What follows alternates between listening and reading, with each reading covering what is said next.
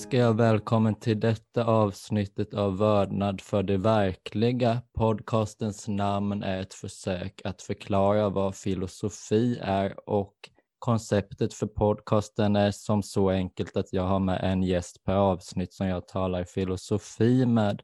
Och i detta avsnittet har jag med mig Jennifer Lindqvist. Välkommen hit. Tack så mycket. Vad tänker du om detta med filosofi då det är det vi ska tala om idag? Vad, vad är det egentligen man håller på med när man håller på med filosofi? Ja, filosofi det är ju det är ett sätt att etablera både för sig själv och för andra en slags världsåskådning, tänker jag utifrån vilken vi tolkar allting som sker. Alltså, det är ett sätt att förstå och förklara de här grundläggande begreppen som vi kanske tar för givet till vardags. Om vi inte tog dem för givet så skulle ju inget någonsin bli gjort. Va? Så det, det är bra att vi tar dem för givet till vardags, tror jag.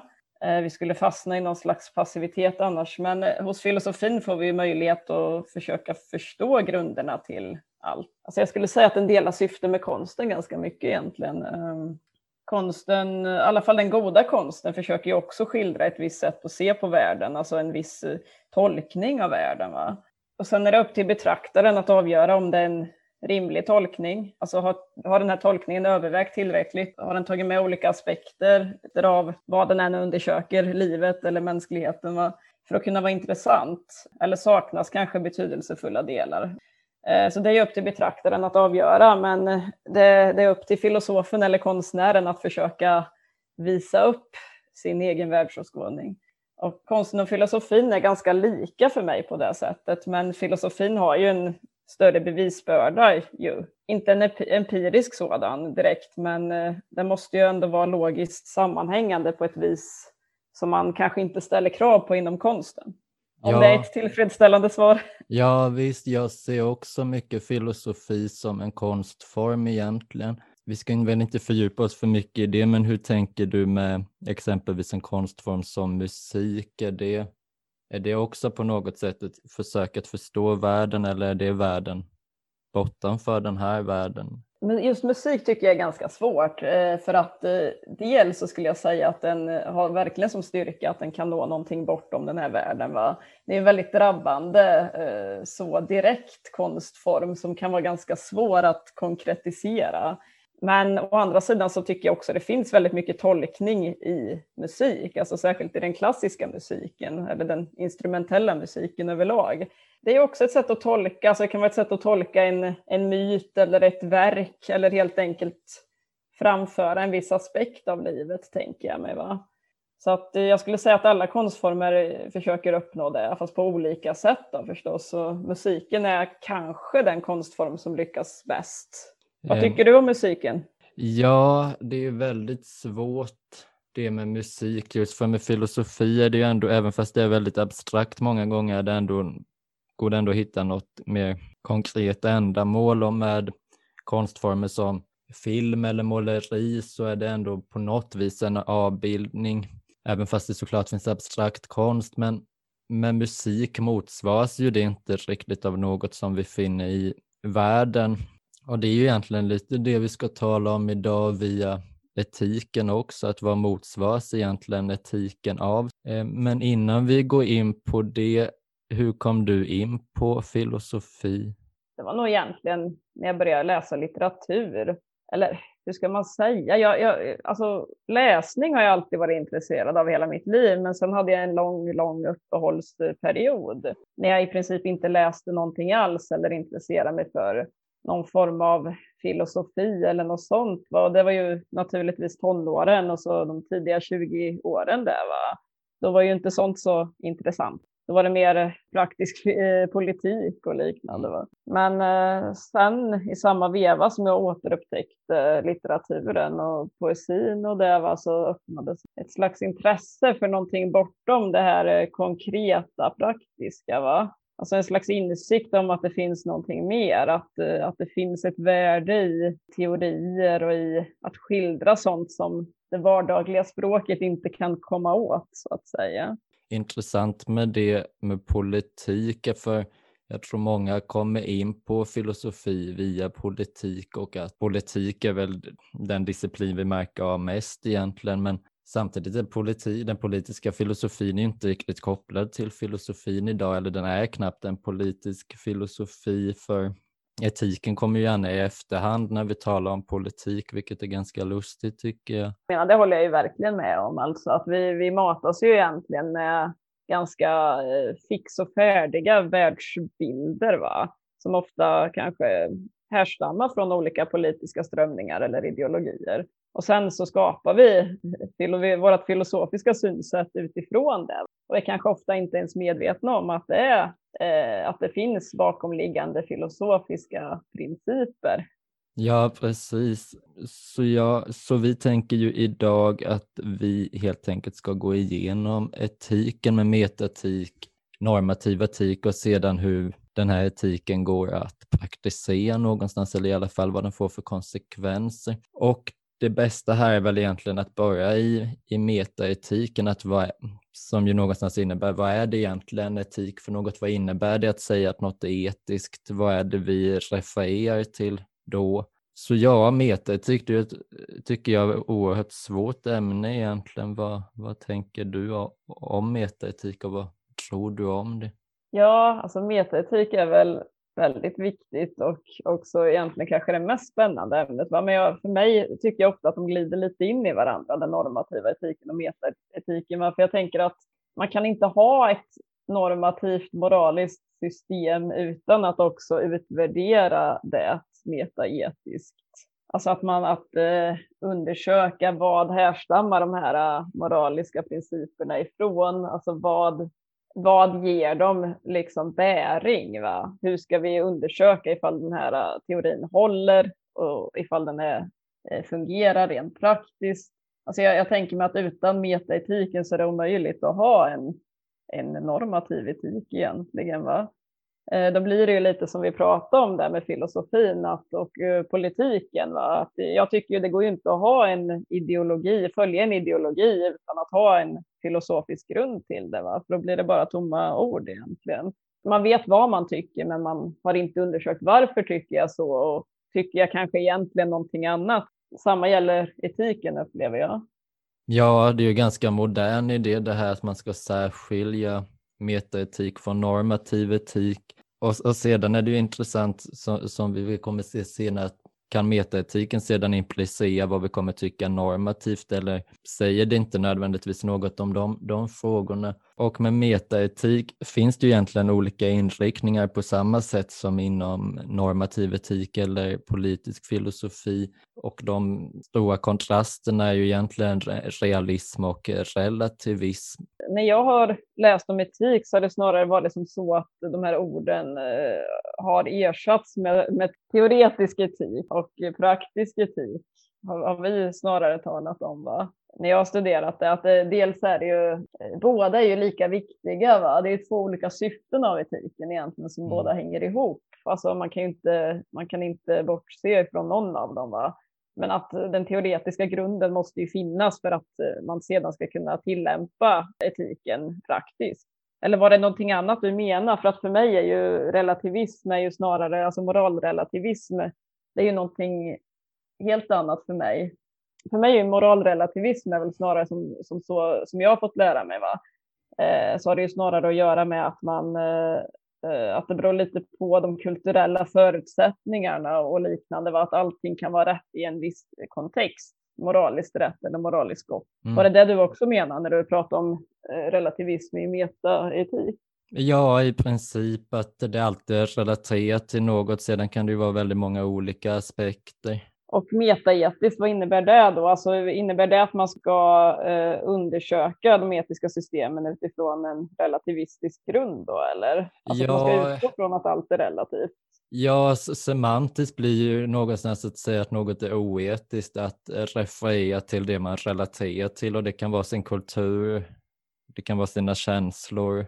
Så att hela tiden undersöka vad är det det relaterar till för mig blir det där nästan någonting idéhistoriskt i sådana fall, va? eller ja, idéhistoriskt eller kulturrelativistiskt, alltså att man alltid måste ha i åtanke att, eh, alla olika moraliska handlingar och principer egentligen skapas i en viss kontext. Va? Det är klart att det är viktigt att ha det i åtanke när man diskuterar etik. Men det har väl inte riktigt bäring för att upprätthålla ett helt etiskt system, ställer väl jag mig lite mer skeptisk till. Men jag tänker ju mer på den normativa etiska relativismen nu snarare kanske. Ja, precis. Och det beror kanske något på vilken ställning man ger metaetiken. Om metaetiken något som ska föregå den normativa etiken, om det nu är möjligt, då kan det ju vara så att man faktiskt har en metaetisk uppfattning som inte kommer leda till någon normativ etik, att man, man godkänner inte någon av de normativa etiska systemen.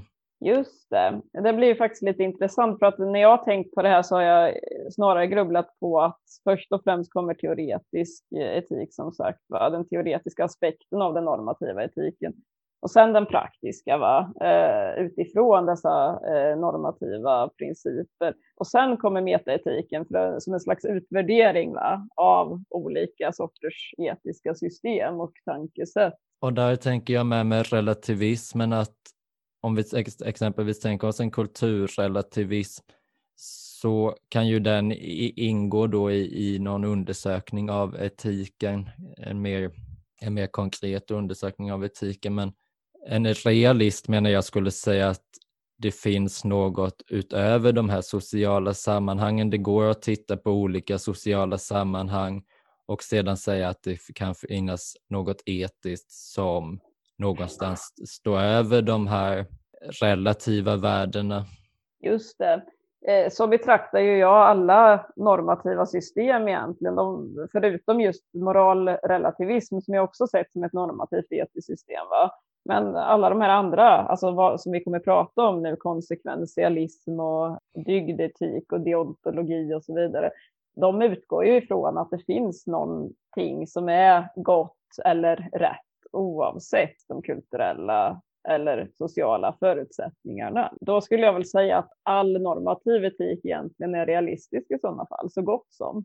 Eller ja, har jag missförstått då? Ja, eller jag funderar också mycket, mycket på det. Jag vet ju att det finns de som hävdar att det faktiskt någonstans är oberoende av varandra, att man kan kombinera eh, ganska hejvilt men ja, det, det, blir svårt tycker jag att se hur en relativism kan gå ihop med exempelvis utilitarism. Att, var, var, får man den idén från då? Är det att den latent finns i alla kulturer möjligen eller något sådant man skulle kunna hävda? Jag tänker att vi kanske kan eh, få en bättre förståelse för det så ifall vi går igenom lite grann hur man eh, brukar utvärdera olika etiska system. Ja, Eh, jag kanske skulle kunna berätta lite om min förståelse för utvärderingar av, av etik. Då. Eh, som jag har förstått det så är det väl så att när man utvärderar moralteorier så finns det ju vissa karaktärsdrag som anses önskvärda för att teorin ska betraktas som giltig. Och bara det antyder väl att etik överlag är, är inte helt och hållet eh, relativistisk. För att det finns ändå vissa sammanhängande, alltså gemensamma kriterier som bör uppfyllas. Och jag ska inte dra alla de kriterierna, då, men bland mycket annat så gäller det att teorin ska vara konsekvent. Dess moraliska principer tillsammans med tillräcklig information ska kunna leda till konsekventa omdömen om hur man bör agera. Va? Den får liksom inte säga att en sak är rätt ena gången och den är fel andra gången helt godtyckligt. Det funkar inte. Sen måste den ju också vara tydlig med att definiera sina begrepp. Alltså den kan exempelvis inte säga att den som skapar största möjliga lycka eh, är god, va? om man inte först har definierat vad är lycka? Eller vad är störst i det här fallet? Vad syftar störst på? Är det största lycka för mig eller är det största lycka för alla involverade eller för alla människor på jorden? Och dessutom kommer ju också ett problem, hur ska man mäta det? Va? Och sen så någonting som är väldigt intressant är också att den bör ha en intuitiv lockelse. Alltså det finns ju vissa saker, så som du var inne på nyss, där, va? som människor naturligt finner lockande. Va? Och vissa andra saker, handlingar eller liknande, ses naturligt som avskräckande om din moralteori säger exempelvis att man bör mörda människor för skojs skull, alltså det behöver ju inte betyda att den är fel bara för att människor överlag inte kommer hålla med om den. Men den kommer att anses vara väldigt omoralisk eftersom den inte är intuitivt tilltalande för, för människor. Va? För den absoluta majoriteten av alla människor oavsett kultur och, och liknande tycker inte att man ska mörda för skoj. Det är någonting som ligger lite latent som du var inne på där i alla kulturer. Och sen finns det också en, en, eh, ett kriterie till som jag vill eh, pusha lite för. Eh, det är ju att teorin bör ha ett externt stöd också, brukar man anse. Det handlar ju om att också andra vetenskaper än etiken, om man nu kan kalla etiken för en vetenskap, det vet jag inte, men ska också stötta tankesättet. Alltså, det är en väldigt stor styrka om så är fallet. Så det behöver ju inte vara så att eh, bara för att andra, andra exempelvis empirin, va, alltså vetenskapen säger emot, det behöver inte betyda att teorin är fel. Men däremot är det en väldigt stor styrka för den moralteorin om den stöttas av exempelvis empiri, av exempelvis olika meta, metafysiska system eller epistemologiska och liknande. Va? Eh, det, är en, det är en väldigt stor styrka. Så att vi märker ju här att etiken är ju inte någonting helt eh, fritt alltså någonting helt isolerat, utan den korrelerar ju med eh, många andra saker, alltså andra fält, andra filosofiska fält, andra vetenskapliga fält och även med ja, det, som, alltså det som rent praktiskt är typiskt mänskligt så att säga. Då. Vad tycker du om det här hittills? Alltså är det något du kan känna igen eller är det, låter det konstigt tycker du? Nej, jag tror jag instämmer och jag tänker att ett sätt att argumentera inom fältet skulle kunna vara det mer pragmatiska att vi ställs hela tiden inför nya situationer och vi kan inte egentligen finna någon grund att stå på. Vad, vad tänker du om det? Jag tänker även metaetiskt. Vad innebär det egentligen att säga att något är oetiskt? Vad är det vi refererar till, skulle du säga? Alltså att, att, säga att någonting är fel, va? Det, för mig är det alltid att utgå ifrån en viss teoribildning. Den kan ligga implicit så att man inte vet om det själv, att man har den. Va? Så är ju ofta fallet nu för tiden. Ehm, det kan också vara en, en viss teoribildning man har väldigt fix och färdig i, i huvudet. Och då, om man säger, då säger att någonting är oetiskt, då bryter man mot, då bryter den saken mot det här systemet man har. Va? Eh, och eh, det jag tänker mig är väl att de allra flesta har inget sådant system, va? utan då, de tänker ofta kanske att ja, glädje till så många som möjligt och, och njutning och lycka, det är gott. Va? Så någonting oetiskt är kanske att orsaka en annan människa skada, va? för då har man minskat den personens njutning eller glädje. Va? Eller så kan det också vara att exempelvis ett eh, icke-demokratiskt styrelsesätt, det är, det är omoraliskt. För att då får ju inte största möjliga, då, då får ju inte stora massan ut största möjliga glädje. Va? Alltså så. Då har man ju gått emot det. Då är det ju en minoritet som kanske får mer njutning än andra för att de får sin vilja igenom. Medan eh, överlag så tycker folk att majoriteten ska få sin vilja igenom och sin njutning eller glädje maximerad. Va? Så att för mig är det alltid att man utgår från vissa principer eller regler som man har, eh, antingen implicit eller, ja, eller väldigt explicit. Då. Skulle du säga att detta systemet är det något som finns inom en viss sfär och där kan det vara konsekvent eller är systemet i sin tur riktad mot något som det så att säga har någon korrespondens med eller liknande? Eller är systemet i sin tur riktat mot något så att säga?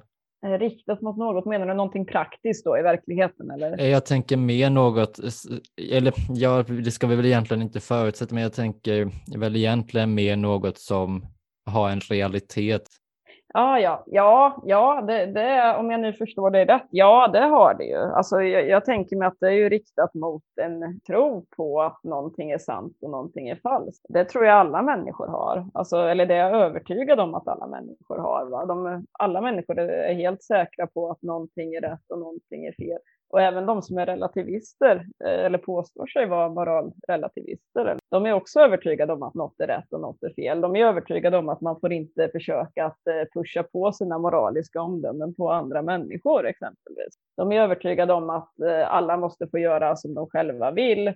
Det tycker ju de då är någonting inneboende gott så som jag ser det så finns väl inte riktigt moralrelativism. Mm. För att alltid är det ju någonting man, man utgår från är fel. Alltså så, alltså man känner väldigt starkt att det här är fel och det här kan jag inte tolerera. Så att alla har ju moraliska principer, alla människor har det. det Det finns inget annat, tror jag. Vad tror ja, du? Eh, jag instämmer, men för att vara lite djävulens advokat skulle man inte kunna säga att det vi upplever som etiskt bara är en illusion, att egentligen finns det inte, men ur vårt perspektiv ser det ut som att verkligheten är på det sättet.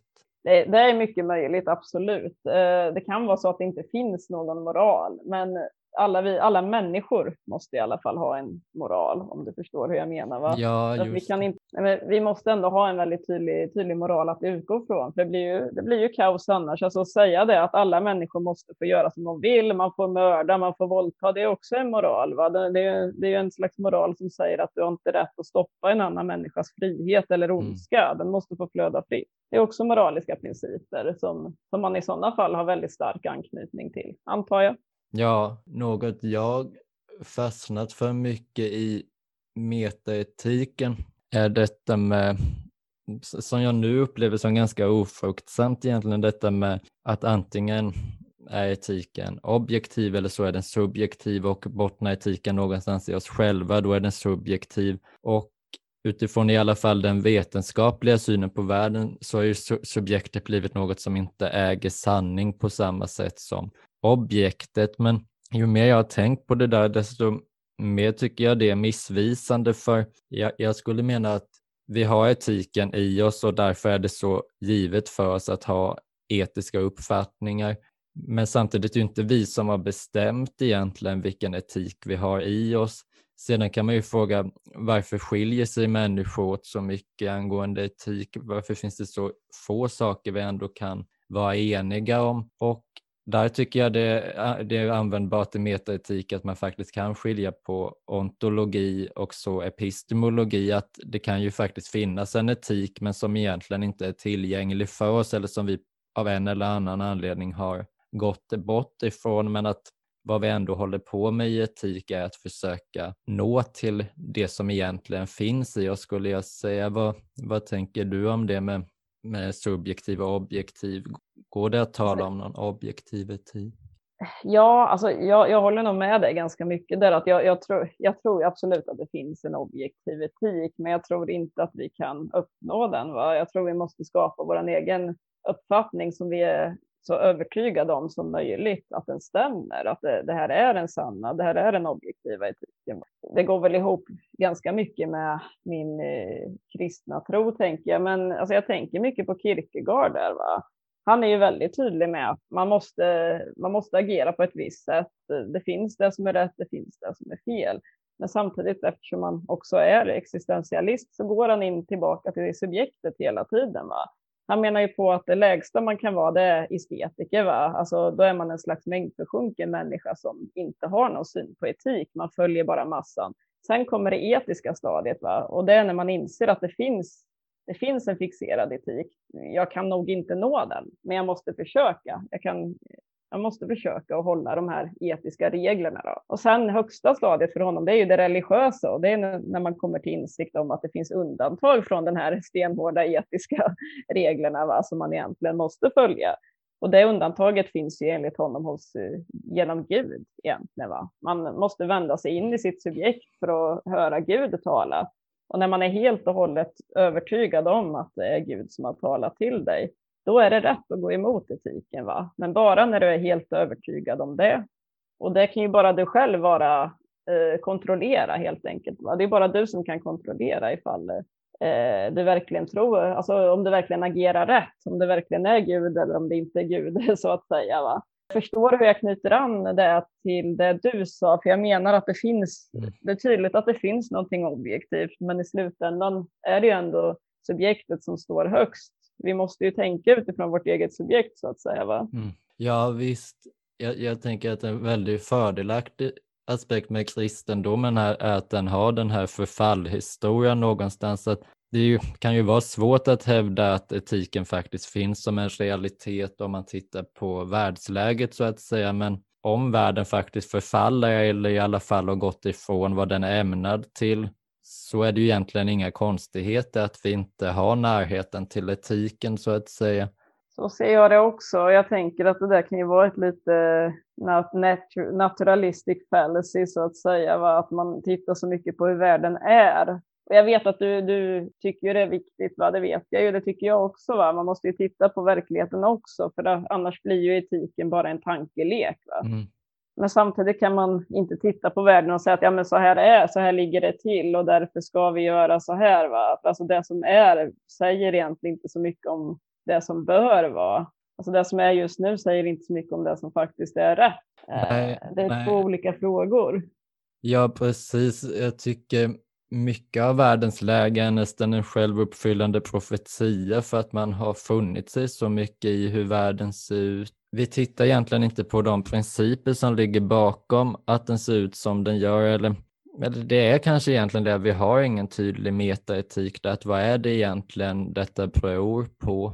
Och varför har vi kvar vårt etiska sätt att tänka om det faktiskt inte finns någon etik alls att hämta? Hur är det möjligt egentligen? Ja, precis. Eh, jag tänker vi kanske kunde gå in lite på de olika normativa systemen eh, för att undersöka var man egentligen kan hämta sina olika tankesätt ifrån. För att eh, jag tänker att alla människor gör det här, även om de inte känner till de här etiska systemen. De vet kanske inte namnet på dem och så vidare. Va? Men det är ju det här är ju kunskap och synsätt som har funnits sedan långt innan vi fanns. Eh, så att det är ändå viktigt att, undersöka dem och titta på, för jag tror att de allra flesta människor kan känna igen sig i något eller flera av de här etiska systemen, bara att de kanske inte vet om det själva. Va? Ja, visst. Jag tänker att en bra startpunkt med normativ etik, dels idéhistorisk men också angående det du sa om Kierkegaard, att vi ändå någonstans kommer tillbaka till subjektet tycker jag är dygdetiken som någonstans börjar i vilka egenskaper har vi faktiskt och vilka egenskaper måste vi någonstans ha för att vara etiska människor. Dygdetiken skiljer sig ju något från det som i alla fall jag ofta förknippar med normativ etik och som har kommit att bli standardiserat mer eller mindre sedan 1700-tal, 1800-tal att vi tänker att normativ etik ska ges principer och så går de här principerna egentligen att använda för att komma fram till hur vi ska tillämpa etiken. Men dygdetiken går egentligen till ett tidigare stadium i den här processen och tittar på hur är det ens möjligt att tänka etiskt och, och vara etisk. Och även fast man sedan hamnar i något mer tydligt normativt system tror jag det är nödvändigt någonstans att titta på Finns det något i människan som faktiskt kan nå fram till etiken så att säga? Jo, det är viktigt att nämna det att dygdetiken fokuserar ju väldigt mycket på, på individen eller på, ja, på personen snarare än på handlingarna. Va? Och som du säger, det finns inget tydligt eh, principiellt system för dygdetiken, alltså, vilket gör att den kan, kan ju bli lite obskyr ibland nästan. Va? det är, ganska, det är på sätt och vis ganska positivt också kan jag tycka, för att eh, det handlar ju så mycket om att bli, att bli en dygdig, dygdig person. Alltså, den här stammar ju mycket från Aristoteles, va? och han menar ju det att eh, för att kunna bli en dygdig människa måste man ha praktisk kunskap. Man måste ha upplevt mycket. Va? Det räcker inte att bara sitta och läsa i sina etikböcker, utan man måste faktiskt ha upplevt eh, saker och ting och lärt sig därigenom. Va? Så att, eh, det tycker jag ju i sig är, tror jag, är en ganska intuitivt lockande del av dygdetiken eh, för människor idag. En del som jag kanske inte tycker fullt lika mycket om. Va? Jag kan tänka mig att det går lite ihop med alla de här självhjälpsidéerna mm. som finns. Va? KBT och liknande. Va? Att ja, men öva dig och, och du kommer att bli en bättre människa och så vidare. Eh, men riktigt så enkelt tror inte jag på att det är. Va? Men något jag däremot tycker är väldigt vackert med dygdetiken, det är ju det här fokuset på den här gyllene medelvägen. Alltså ett överskott av någonting, det är en last och ett underskott är också ett last. Tar man mod, va? mod är ju en dygd. Alltså ett underskott av mod är ju feghet och ett överskott, ja, det är att man är, vad blir det, förhastad, liksom mm. framfusig nästan. Det är också en last. Och eh, jag tycker i, i dagens samhälle lägger vi så stort fokus på de här lasterna. Va? Det lasterna hålls ju upp som dygder nästan. Jag vet inte om du håller med mig, men det är ju det här med att den som skriker högst och syns mest. Va? Det är den mm. som får uppmärksamhet, den som kan vara mest radikal och så vidare. Va? Men eh, så jag tycker det är ganska härligt att dygdetiken kommer och säger motsatsen. Att nej, det är den som är mest behärskad och måttfull som faktiskt är en god människa den som, eh, som kan stanna upp och läsa av en situation och, och tänka efter och använda sin samlade kunskap för att agera rätt. Det, det är en god människa. Va? Det gillar jag för att det, det sticker lite i, i samtid, på samtiden där, va? Eh, vilket jag tycker väldigt mycket om. Och det känns också som det är ganska kompatibelt med den kristna synsättet. Det är intressant med samtiden där jag tänker med, med det med, du sa om självhjälp, dels Aristoteles, men vi, jag ser även Nietzsche egentligen som en dygdetiker och båda de här tank tankesätten ser man ju i samtiden fast i väldigt knepiga skepnader. Jag, jag, jag tänker med Nietzsche exempelvis att eh, bli den du är, att det är ju något egentligen vi ser i samtiden väldigt mycket, att vara va dig själv, men det, det har blivit någonting helt annat egentligen. Självförverkligande ligger det ju väldigt mycket eh, fokus på då, va? att man ska bli en god person, man ska utvecklas och så. så det, det ligger så mycket fokus på individen. Va? Att individen ska vara så märkvärdig och den ska göra så mycket saker, den ska uppleva så mycket saker. Va? Den, den som har upplevt mest vinner. Va? Det, det är väl inte kopplat till dygd riktigt, men eh, jag tror inte dygd är något som ligger så högt i kurs i dagens samhälle heller. Va? Det är inte något, ett begrepp som vi direkt uppskattar, utan jag tror de flesta tycker dygd känns lite gammalt och mossigt idag, mm. dessvärre kan jag tycka. Så det är väldigt härligt med en etik som lägger stort fokus på individen, men samtidigt på att individen, att individen inte ska vara så jäkla märkvärdig, va? utan snarare att det viktiga är att agera rätt. Det spelar ingen roll att synas mest och höras mest och så vidare. För, för självförverkligande kan ju vara flera olika saker. Det kan ju vara att hela tiden expandera någonstans. Du är, ald du är aldrig tillräckligt utvecklad, du kan alltid utvecklas mer. Men hos Aristoteles och egentligen i det antika tänkandet överlag upplever jag det mer som att det handlar om att faktiskt bevara människan, vilket är en väldigt stor sak som är lätt att glömma. Att det går gärna att tänka människan, vi har redan människan, eh, men människan på ett eller annat sätt förgår människan hela tiden och måste behålla sig i världen och dygd är ett sätt någonstans att behålla sig själv ser jag det snarare som än att utveckla sig själv, vilket kanske är det sättet vi skulle tolka dygd på idag. Exakt, för att vi är så individfokuserade idag, va? subjektfokuserade. Men som du, jag håller helt med dig där, det är ett sätt att bevara människan och inte bara människan, utan jag tänker mig också va, att dygdetiken egentligen kan ses som ett etiskt system som ärvs. Det här med praktisk kunskap. Man, kan inte, man behöver inte bara se tillbaka på sitt eget liv och vad har jag åstadkommit? Utan man kan också titta tillbaka på sina förfäder, va? på hela, hela historien, på all litteratur som har skrivits och så vidare. Va? Det är också en form av samlad kunskap. Och visst, jag sa förut, det räcker inte att läsa sina böcker. Nej, det gör det ju inte enligt dygdetiken. Men jag tror att man behöver göra det också för att bli en dygdig människa. Va? Det är egentligen någonting som, som är som vi ska bevara under vår generation och sen skänka vidare sen till nästa generation. Precis som alla tidigare generationer har gjort.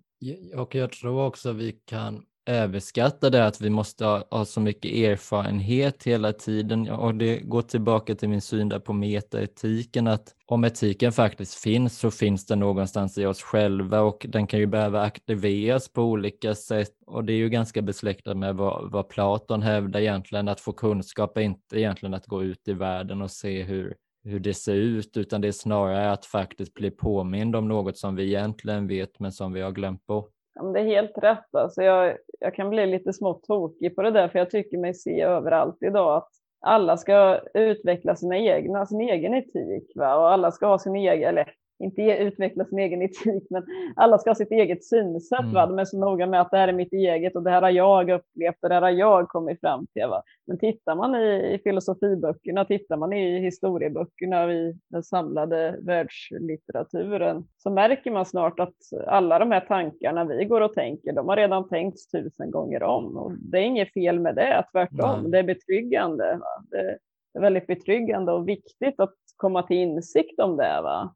Att vi, vi, vi tror ju så gott om vår samtid. Vi har sånt framstegstänk, va? att allt bara blir bättre och bättre och så vidare. Men eh, snarare skulle jag säga att det är väldigt viktigt att vara ödmjuk inför det förgångna va? och ha insikt om att hur lite vi egentligen har kommit på. Va?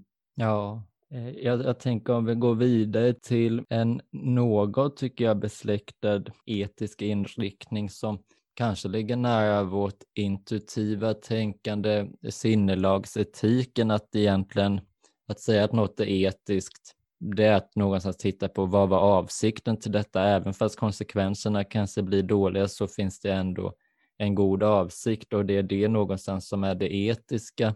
Mm. För, för jag tänker att känsla, även fast jag inte tror att etiken går att reducera till känsla så tror jag inte vi egentligen kan förstå vad etik är för något om vi tar bort känslan. Vad mm. tror du om mm. det? Vad är, vad är känslans roll? Känslan inför att agera menar du, alltså den avsikt man har? dels det, men också egentligen när vi, när vi upplever att något är fel, om vi kanske bevittnar något som vi anser oetiskt, att om man hypotetiskt skulle ta bort vår känsla i det, då skulle ingenting bekomma oss, tror jag, etiskt sett. Ja, känslan tror jag är väldigt viktig, absolut. Eh, det, det, är den. Alltså, annars blir vi väldigt passiva. Men jag skulle nog inte säga att den är det viktigaste. Det, det skulle jag inte säga, för att jag tänker på något som är ganska besläktat med sinnelagsetiken, upplever jag. Det är ju deontologi, Kants deontologi, va? Mm. som handlar ju väldigt mycket om att eh, känsla är såklart viktigt för honom också. Va? Han, han är ju väldigt fokuserad på människan, tvärs vad man brukar säga. Va? Man brukar prata om etik för robotar. Va? Men det är ju tvärtom egentligen. Han eh, tillmäter ju människan en väldigt stor värdighet. Eh, främst för att hon har en, dels för att hon är en rationell agent. Va? Rationaliteten är väldigt viktig för honom. Men framför allt den här goda viljan som han talar om. Va? Det är ju ändå en vilja att, att man vill andra andra varelser gott och framförallt andra människor gott. Det är någonting som vi, vi agerar på enligt vår rationalitet och så vidare. Så jag tror att det blandas väldigt mycket där. Alltså det rationella är, är lika viktigt som känslan skulle jag säga. Men att man kan inte plocka bort någon del av dem. Alltså förnuft och känsla, det, det är för tätt sammankopplat i etiken. Va? Så jag tror absolut att känslan är viktig, men eh, jag tror inte vi ska, vi ska räkna bort förnuft sätt här, bara för att det låter lite mossigt så att mm. säga. Det, det, blir ju på ett, det blir ju alltid svårt att argumentera mot förnuft eftersom man använder sitt förnuft för att göra det, men jag är ändå något skeptisk till det förnuftfokuset eller det som kommer att bli Kants etik. För, för Kant är ju någonstans inriktad på att människan kommer inte ut till världen eller världen var inte det som människan trodde utan människan och också egentligen i likhet med Platon, att människan finner etiken i sig själv genom sitt tänkande så att säga. Men jag tycker det blir egentligen också i likhet med, med utilitaristiska tankegångar att det blir att ta en egenskap i människan, utilitarismen tar känslan och eh, Kants pliktetik tar förnuftet och så utnämner man detta i sig till det etiska, men på sin höjd menar jag att känslan och förnuftet kan vara ett sätt att försöka få reda på vad etiken är och att det blir något egendomligt i att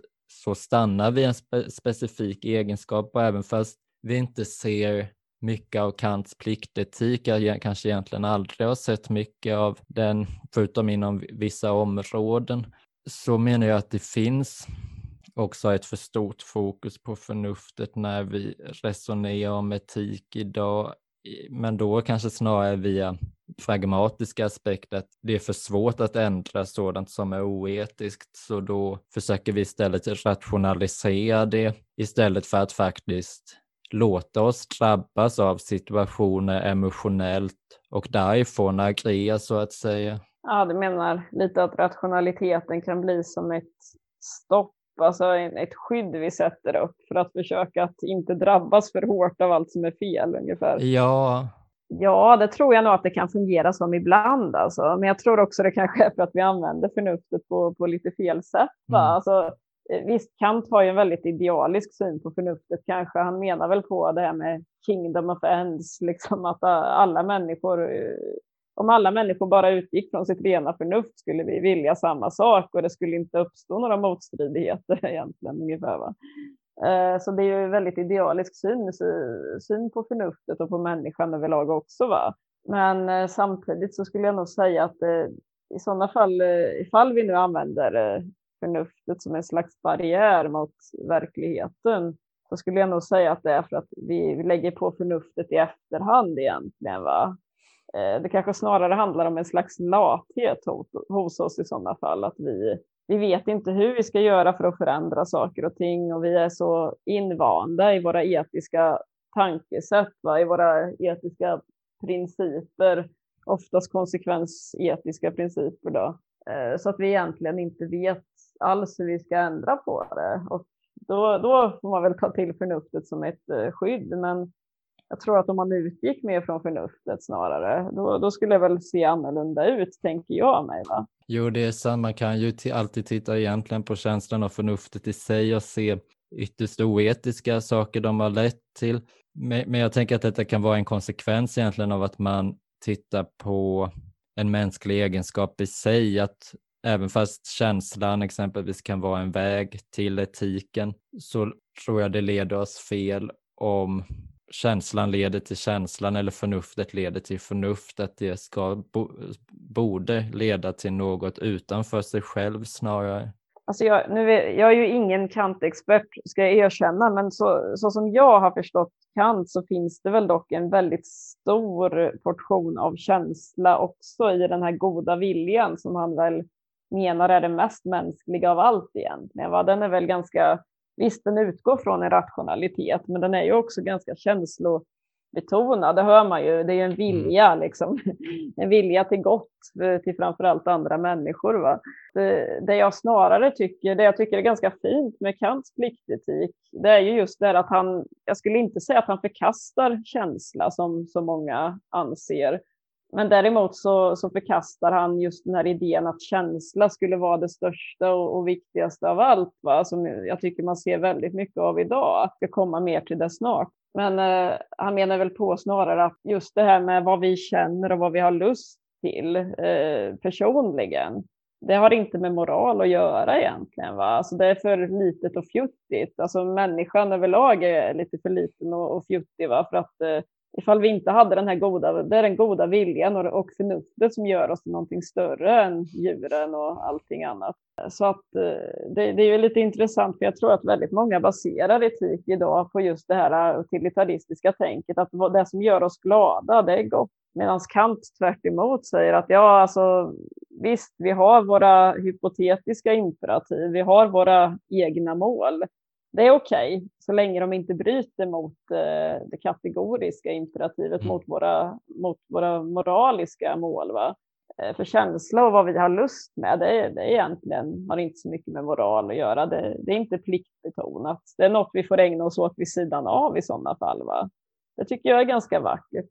Jo, nej, det är en viktig poäng att känslan faktiskt finns hos Kant. Det är väl mer egentligen det uttryck det tar. Jag tänker på det med att, att särskilja människan på det sättet och det finns ju egentligen redan i hans epistemologiska tankar att människan, alltså även fast, fast det inte finns nödvändigtvis i tankegångarna från början att människan någonstans ändå isoleras ifrån världen och den rollen han ger förnuftet tänker jag också blir någon form av isolation jag kan väl förstå delvis vad du menar, men jag tänker att i sådana fall är på sätt och vis tycker jag alla etiska system är en form av isolering lite grann som är ofta nödvändig. Va? Och visst, mm. man ska ju inte säga att ja, men de här systemen har samma problem och därför är, är hans system ofelbart. Alltså det är inte så jag menar. Va? Jag menar bara på att jag tycker väl att eh, själva det här känslofokuset som finns i mycket konsekvensetik är också en slags isolering va, mm, från någonting absolut. större mänskligt. Och där tänker jag även på den kritiken som, som finns ifrån situationsetik, att är det, är det egentligen möjligt att komma fram till de här systemen? Är det detta som sker när vi är etiska människor? Är vi i kontakt med, med de här systemen? Och som du var inne på är vi ju i en bemärkelse det, för det finns något dolt systematiskt sätt i oss att tänka, även fast vi inte är medvetna om det. Eh, men jag kan ändå vara, vara tveksam till detta med, eller det beror väl hur man fördjupar det med metaetik också, att jag har exempelvis en, en teleologisk syn på, på världen, jag tror att det finns något ändamålsenligt i hur, hur tillvaron ser ut och då anser jag att vi måste ge någon form av etisk status till allt egentligen, vilket ju blir en väldig svårighet naturligtvis och svårt att dra tydliga gränser. Men det tänker jag är ett sätt att undvika detta, den här isolationen av människan, att faktiskt mer tydligt ha etiken kopplad till en ontologi, att etiken ligger inte utanför det ontologiska. Exakt, ja, men det tror jag också är väldigt viktigt att, eh, att eh, poängtera faktiskt. jag tror många människor ser det som så, va? att eh, det är någonting väsensskilt. Och jag upplever också att väldigt många tycker att etiken är någonting lite mossigt och gammaldags, så att det kanske inte ens är så relevant längre. Va? Men jag skulle säga att det är väldigt kopplat till ja, ontologi, även epistemologi faktiskt. Va? Alltså hur det skapas vetenskap och liknande. Och det är klart att vi måste ha, ta i in i beräkningen vad som är rätt och fel och varför vi tycker vissa saker är rätt och fel. Va? Det tycker jag verkligen. Men kan du förklara den här situationsetiken lite grann för mig? För jag är inte så insatt i den. Egentligen en kritik mot att man tittar på vad som är etiskt oberoende av vilka situationer det är. Så på så sätt en ganska praktisk etik, att, eh, eller pragmatisk etik, att etiken ser olika ut beroende på situation. Och att vi först måste undersöka vad är detta för situation, att varje situation är unik, så då måste vi också finna en unik etik för varenda situation. Alltså jag tänker att liksom den rent eh, agensfokuserade konsekventialismen är väl lite i samma stuk. Alltså vi har ju regelutilitarism och sånt, va? men det finns ju också så act utilitarism och sånt, va? att man fokuserar på vad i stunden nu kan leda till störst lycka och glädje. Va? Det känns ju som en väldigt situationsbaserad mm. etik också. Va? Och eh, då blir det ju ganska svårt att ha, men eh, saken är att utilitarismen har ju ändå tydliga principer, eller principer kanske man inte ska kalla dem för, men den, har ju ändå en väldigt tydlig världsåskådning om man så vill, va? ett väldigt tydligt värdesystem. Va? Jag upplever att det har kommit in så väldigt mycket i vår eh, vardag och så där att eh, folk ifrågasätter den inte ens. Eh, just den synen på att lycka och välmående, det är det högsta goda. Men om man tittar närmare på det, vad innebär det egentligen? Va? Jo, det innebär ju att det, då ifall man anser att det är så, då erkänner man ju också att det finns inneboende värden i någonting. Va? I just lycka och välmående. Det har inneboende värde. Det är ju ett etiskt ställningstagande. Va? För att eh, då frånkänner man ju många andra saker inneboende värde, va? om man menar på att det är det enda som har inneboende värde och allting annat får bara sitt värde utifrån lycka och välmående. Då har man ju verkligen ett värde som är högst. Alltså då, då vet man ju att ungefär att livet går ut på det här nästan, va? att skapa det här värdet. Det är också, det är inte heller riktigt helt situationsbaserat, alltså om du förstår vad jag menar. Jag tror väldigt många idag utgår från att det är den objektiva sanningen egentligen. Va? Att allt det som skapar lycka, det är gott. Och det är det vi måste utgå ifrån. Det tycker jag man kan se framför allt i, såna här, men, i olika diskussioner och debatter. Va? Att, ja, men det här får mig att må bra eller empiriska undersökningar visar att exempelvis bruk av den här substansen mm. eller eh, att gå i den här formen av terapi eller den här typen av mindfulness leder till mer lycka. Och då kan, det inte vara, då kan vi inte låta det vara olagligt eller då måste vi öka liksom, att psykiatrin utordinerar mer av den här mm. terapin och så vidare. Va? Eh, så det är alltid ett argument, va? det här eh, empiriska beviset för att någonting får människor att må bra. Då ses det automatiskt som gott. Så det är ju inte värdeoberoende, alltså det är ju inte neutralt att vara utilitarist på något sätt. Va? Det är det ju inte, utan man utgår ju också från ett väldigt fixerat värde. Ja, verkligen. Eh, dels via det med känslan, vilket kanske är det minst kontroversiella i sett till vad samtiden utger sig för att vara så att säga. För samtiden utger sig för att ha mänskliga rättigheter som är kopplat till den enskilda individen. Men när det väl gäller och blir lite svårt, så jag tycker man ser tydligt nu med pandemisituationen, då framträder plötsligt utilitarismen att de att, och, och även när vi såg eh, vaccin mot svininfluensa, att man försvarar att många barn fick narkolepsi med att jo, men det var ju bara 200 och det här vaccinet räddade ju så många liv. Men var någonstans gick vi med på den etiken att några av oss ska offras för det gemensamma goda?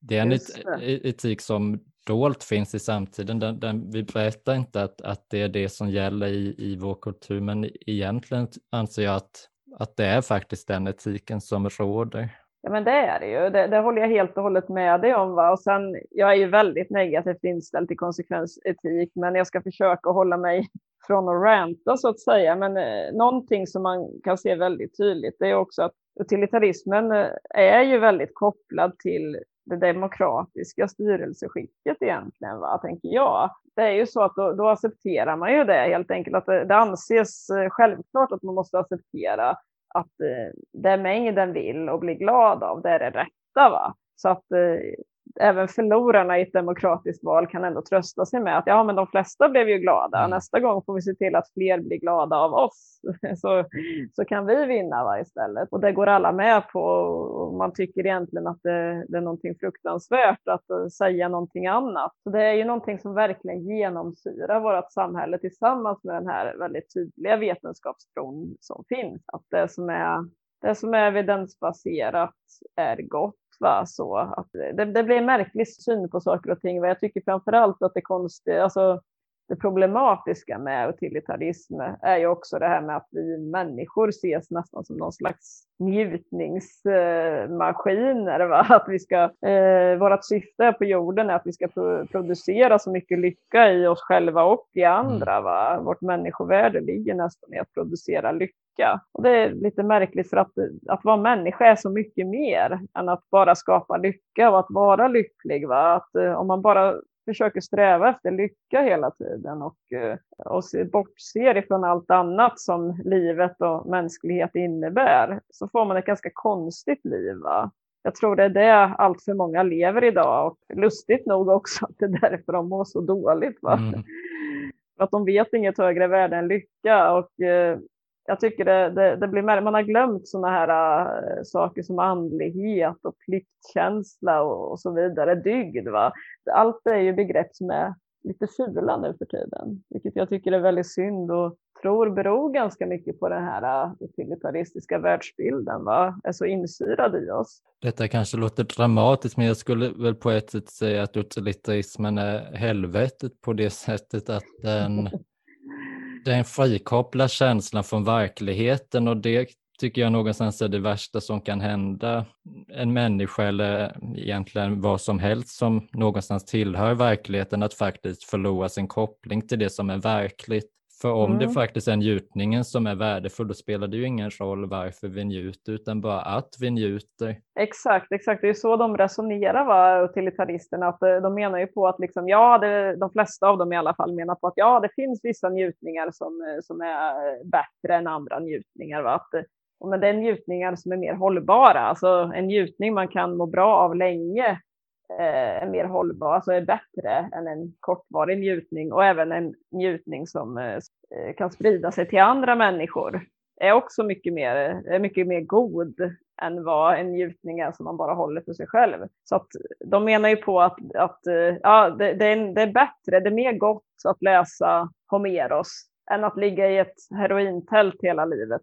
Det håller jag med om, men jag håller inte med om anledningarna till att de kommer fram till det. Va? För de menar ju på att ja, om man utbildar sig och finner nöje i exempelvis litteratur eller filosofi, ja då kan man vara glad hela livet för det tar aldrig slut. Va? Och så kan man också glädja andra med sin kunskap eller något sånt. Men om man däremot väljer att ja, supa ner sig varje dag, så ja det är helt okej, okay, men det är inte lika god njutning för att eh, du kommer inte vara till lika stor glädje för andra. Som du säger, det blir en märklig bortkoppling från egentligen allt som är mänskligt för att eh, vi är ju faktiskt inte njutningsmaskiner, utan vi har ju, människan söker ju efter mer saker än bara glädje och lycka. Det är min världsåskådning, alltså. den, den står jag för att säga, va? att mm. Eh, så, så ser jag på det. Va? Ja, nu har vi talat om de här etiska mönstren. Jag tänker, ska vi gå in på något mer vad vi själva tycker och vad det leder till? Absolut. Även, även fast vi har gett en del ledtråd.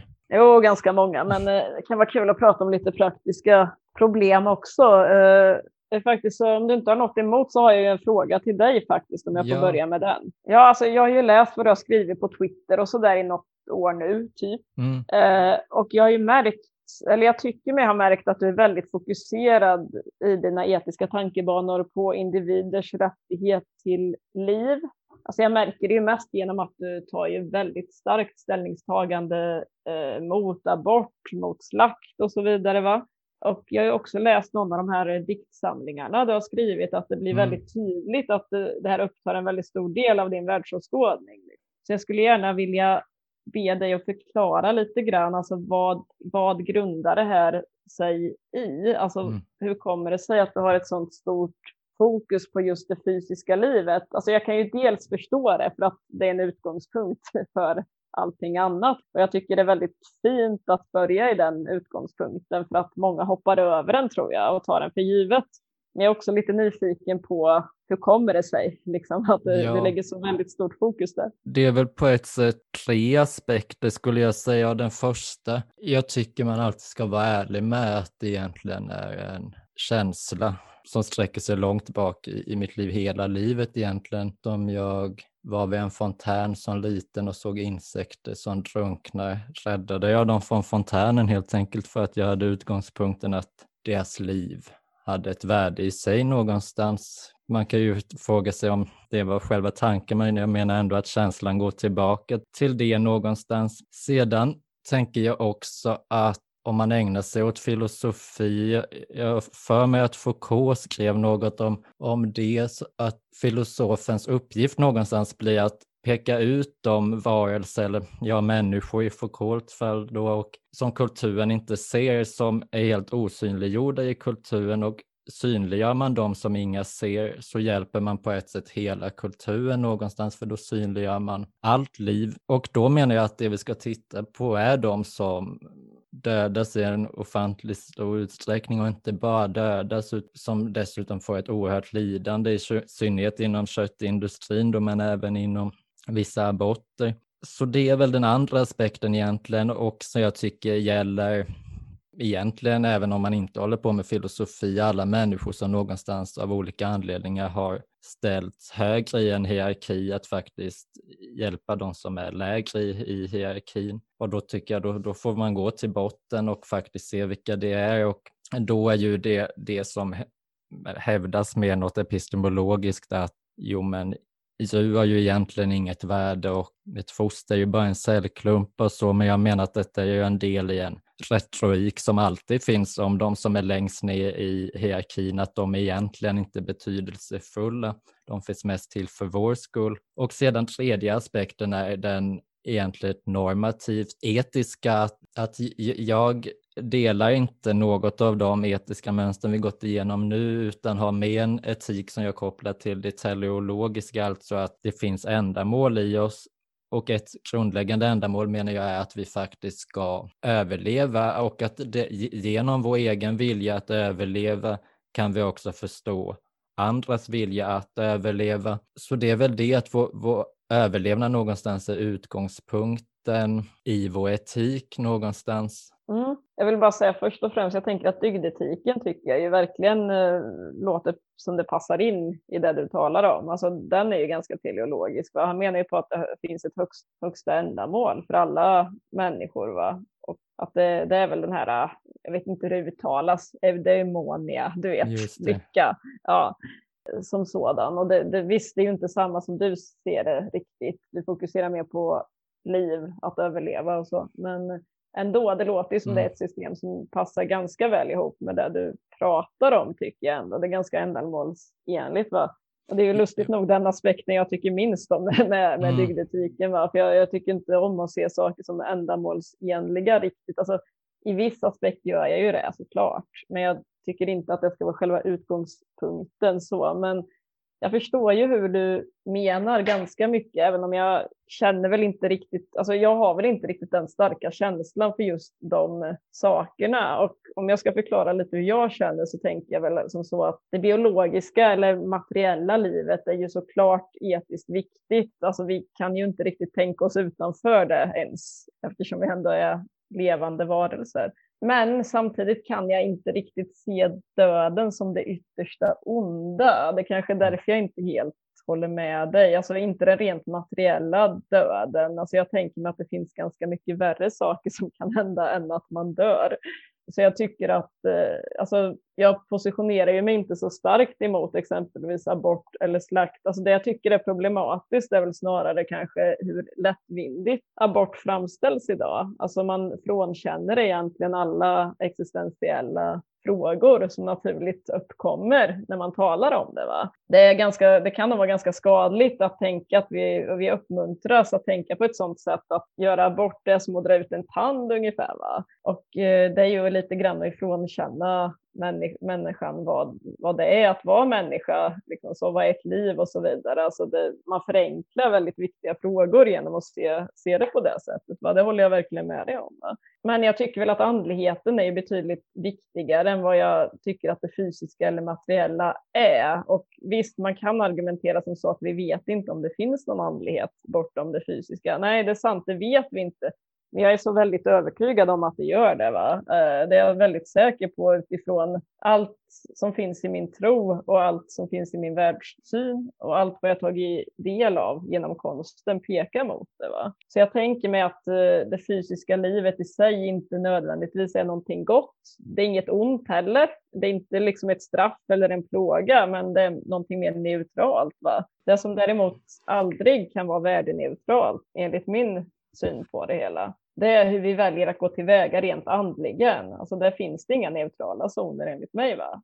De andliga dimensionerna, de måste man alltid ta på största allvar. Va? Det gör inte exempelvis konsekvensetiken då, som vi var inne på. Där förminskas vi till njutningsmaskiner nästan. Va? Och till följd av det så upplever jag att fler och fler stannar kvar i en slags andlig omyndighet. Det immateriella livet idag, det är mest lek och skoj, någonting som ses som ett lättvindigt fritidsintresse. Va? Som, det går ihop lite grann med det ni pratade om i förra avsnittet som jag hörde av din podcast här med humanisterna där att de pratar om att alla har rätt till sin religion och sin tro så länge den inte blandar sig i samhällsstyret och så. Mm. Då blir ju andligheten någonting som man lite grann kan ägna sig åt på skoj så där på fritiden. Va? Ja. Eh, det blir inte förknippat med ansvar eller förpliktelse.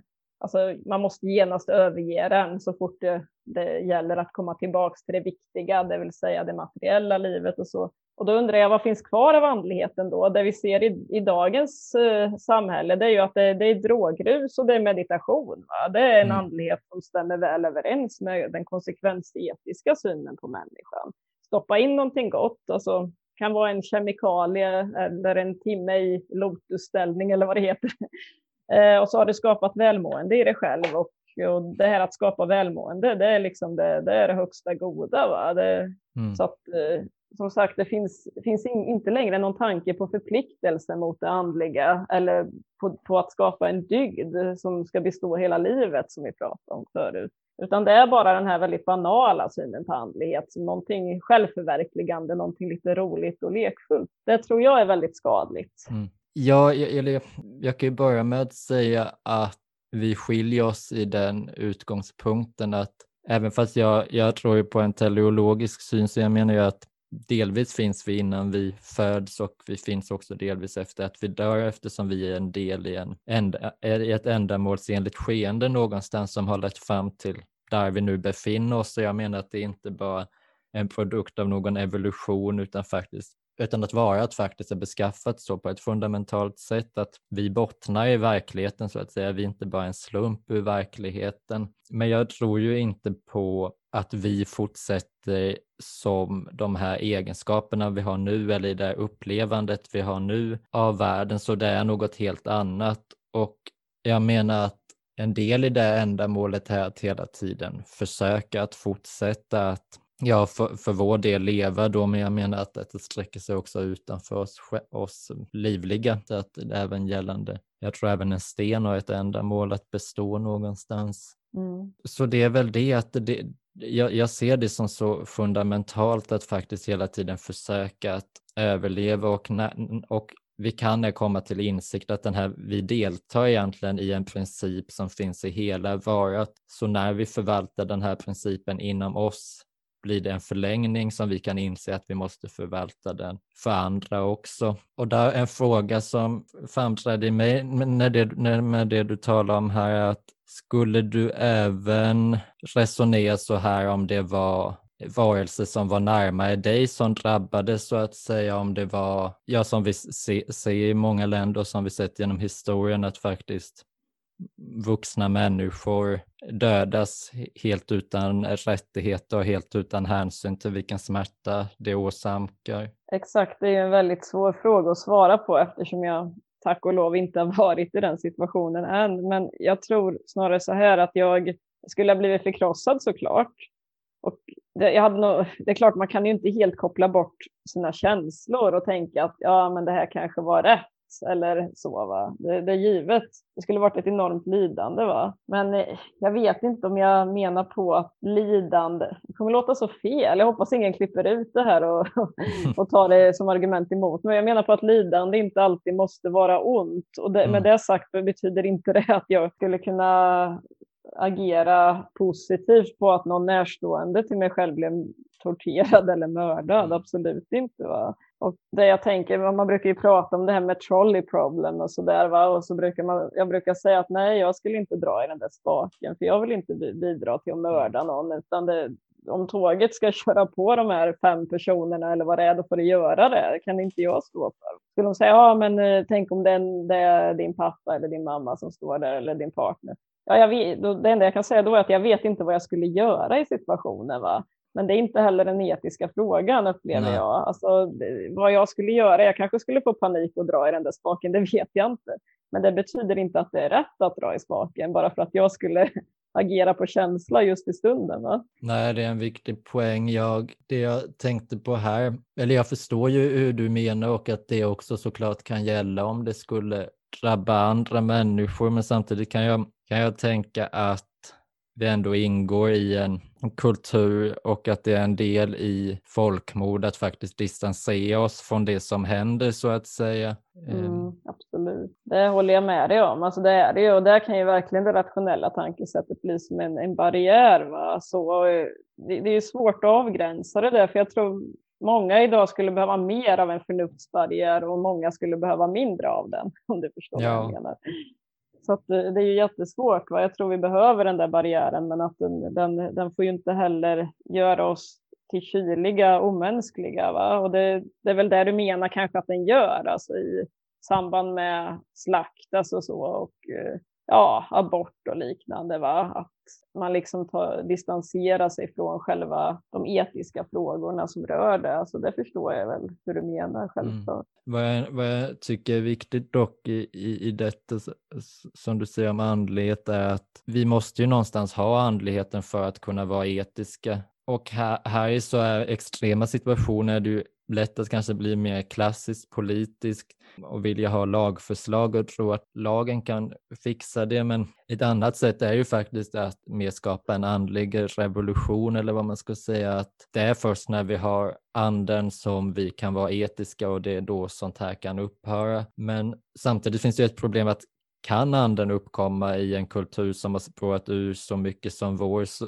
så det blir svårt att riktigt bestämma var någonstans ska man börja där. Det är väldigt, väldigt svårt. Jag håller helt med dig där. Va? Eh, det gör jag, men jag tycker att det, det är ju väldigt skadligt som vi pratar om just det här att vi, vi matas hela tiden med förpackad, alltså fejkandlighet nästan, va? Mm. för att vi inte ska känna av den här längtan efter genuin andlighet som vi alla har. Va? För att det tror jag det är en sån stor dimension i alla människor att man behöver få utlopp för den här, den här andliga dimensionen. Va? Om det så är det på ett religiöst sätt oftast, men jag tänker att konsten har ju också en viss funktion där. Va? Att, eh, man, ja, det, det är existentiella frågor och det är allt det som är bortom det här empiriska och praktiska. Va? Vi matas ju hela tiden med substitut, va? så man märker att fler och fler unga människor tackar och tar emot gladligen. Va? Ja. Det är inte problemet i sig, men det är kanske det största symptomet på problemet va? med avsaknad andlighet. Och det måste ju på något vis upphöra, men det är ju väldigt, väldigt svårt eftersom då människor går alltid tillbaka till det här empiriska då, att, eller snarare det utilitaristiska som styrks av det empiriska. Att, eh, ja, men titta här, undersökningen visar ju att människor mår bra av det här. liksom det argumentet sitter ju så hårt och har så stor slagkraft i dagens samhälle att det går liksom inte att argumentera emot det för att då mm. framstår man som galen nästan. Va? Så att det, det, det ser jag väl som ett gigantiskt problem och vart man ska börja, ja, det vet jag faktiskt inte. Nej. Tvångsläsning av Platon kanske, jag vet inte. ja. Jag tänker därmed att en skillnad här kan ju vara vår syn på andlighet, för jag menar att en abort och slakt är just ett angrepp på andlighet. Eh, och jag, jag menar ju att ska vi finna anden eller andlighet så finner vi den här och nu egentligen, att vi finner den i världen och världen är ytterst andlig och det som lever är ytterst andligt. Att, jag ser inte att det finns, jag vet inte om du skulle säga det, men jag, jag ser inte att det finns något bakom det här utan vill vi så kan vi egentligen se att anden finns i världen hela tiden. Det tror jag också att den gör, eller det är jag övertygad om att den gör rättare sagt. Va? Mm. Så där håller jag med dig, men jag är också övertygad om att den finns bortom världen, mm. som vi ska kalla det samtidigt. Där. Just det. Så att eh, jag tror inte att ett fysiskt liv är ett måste för att kunna förenas med det här större. Det tror jag inte att det är. Men det, mm. med det sagt så är det ju inte heller någonting ont eller en plåga som vissa kristna inriktningar menar. Va? Att det, det, är en plåga. Jag tycker i och för sig att det är ett ganska vackert sätt att se på det också. Jag har inget emot att människor ser livet som, nästan som ett straff eller ett hinder från att nå upp till Gud. Men jag ser det inte på det sättet. För jag tycker att ande, andligheten och Gud är så närvarande i den här materiella världen också. Så jag kan inte se det som ett straff eller någonting negativt. Ja, precis. Det, det är mer riktigt formulerat att jag menar egentligen att det inte finns någon ande bakom detta eller bortanför detta. Och det gör ju också att dödar vi en varelse så blir det inga fler chanser till liv. Så i och med att livet är en sån kort del i, i evigheten så att säga, får, får det där av, den här avgörande betydelsen. Mm, just du tänker så, ja. Att, ja det, det, är väl en ganska stor, stor skillnad då, för att jag förstår ju om man ser det som så att det är den enda chansen, eh, då blir det ett betydligt mer allvarligt beslut. Och ibland måste man nog, även om jag inte riktigt tror på det, så måste man ibland kanske tänka sig att det bara finns en chans för att ta problem på allvar, mm. om du förstår vad jag menar. Även om jag inte riktigt kan tro på det riktigt helt och hållet, kan jag inte säga att jag gör, mm. men men det är en slags rättvisetänk också i det hela, då, som du sa förut, att eh, de svagare måste få bli hjälpta eller alltså komma upp till de starkares nivå eller? Inte nödvändigtvis. Eller det beror lite på hur man tänker med nivå, men jag tycker det blir ett tydligt kall om man är engagerad i vad som sker i världen, att faktiskt titta på de som inte är synliga för den.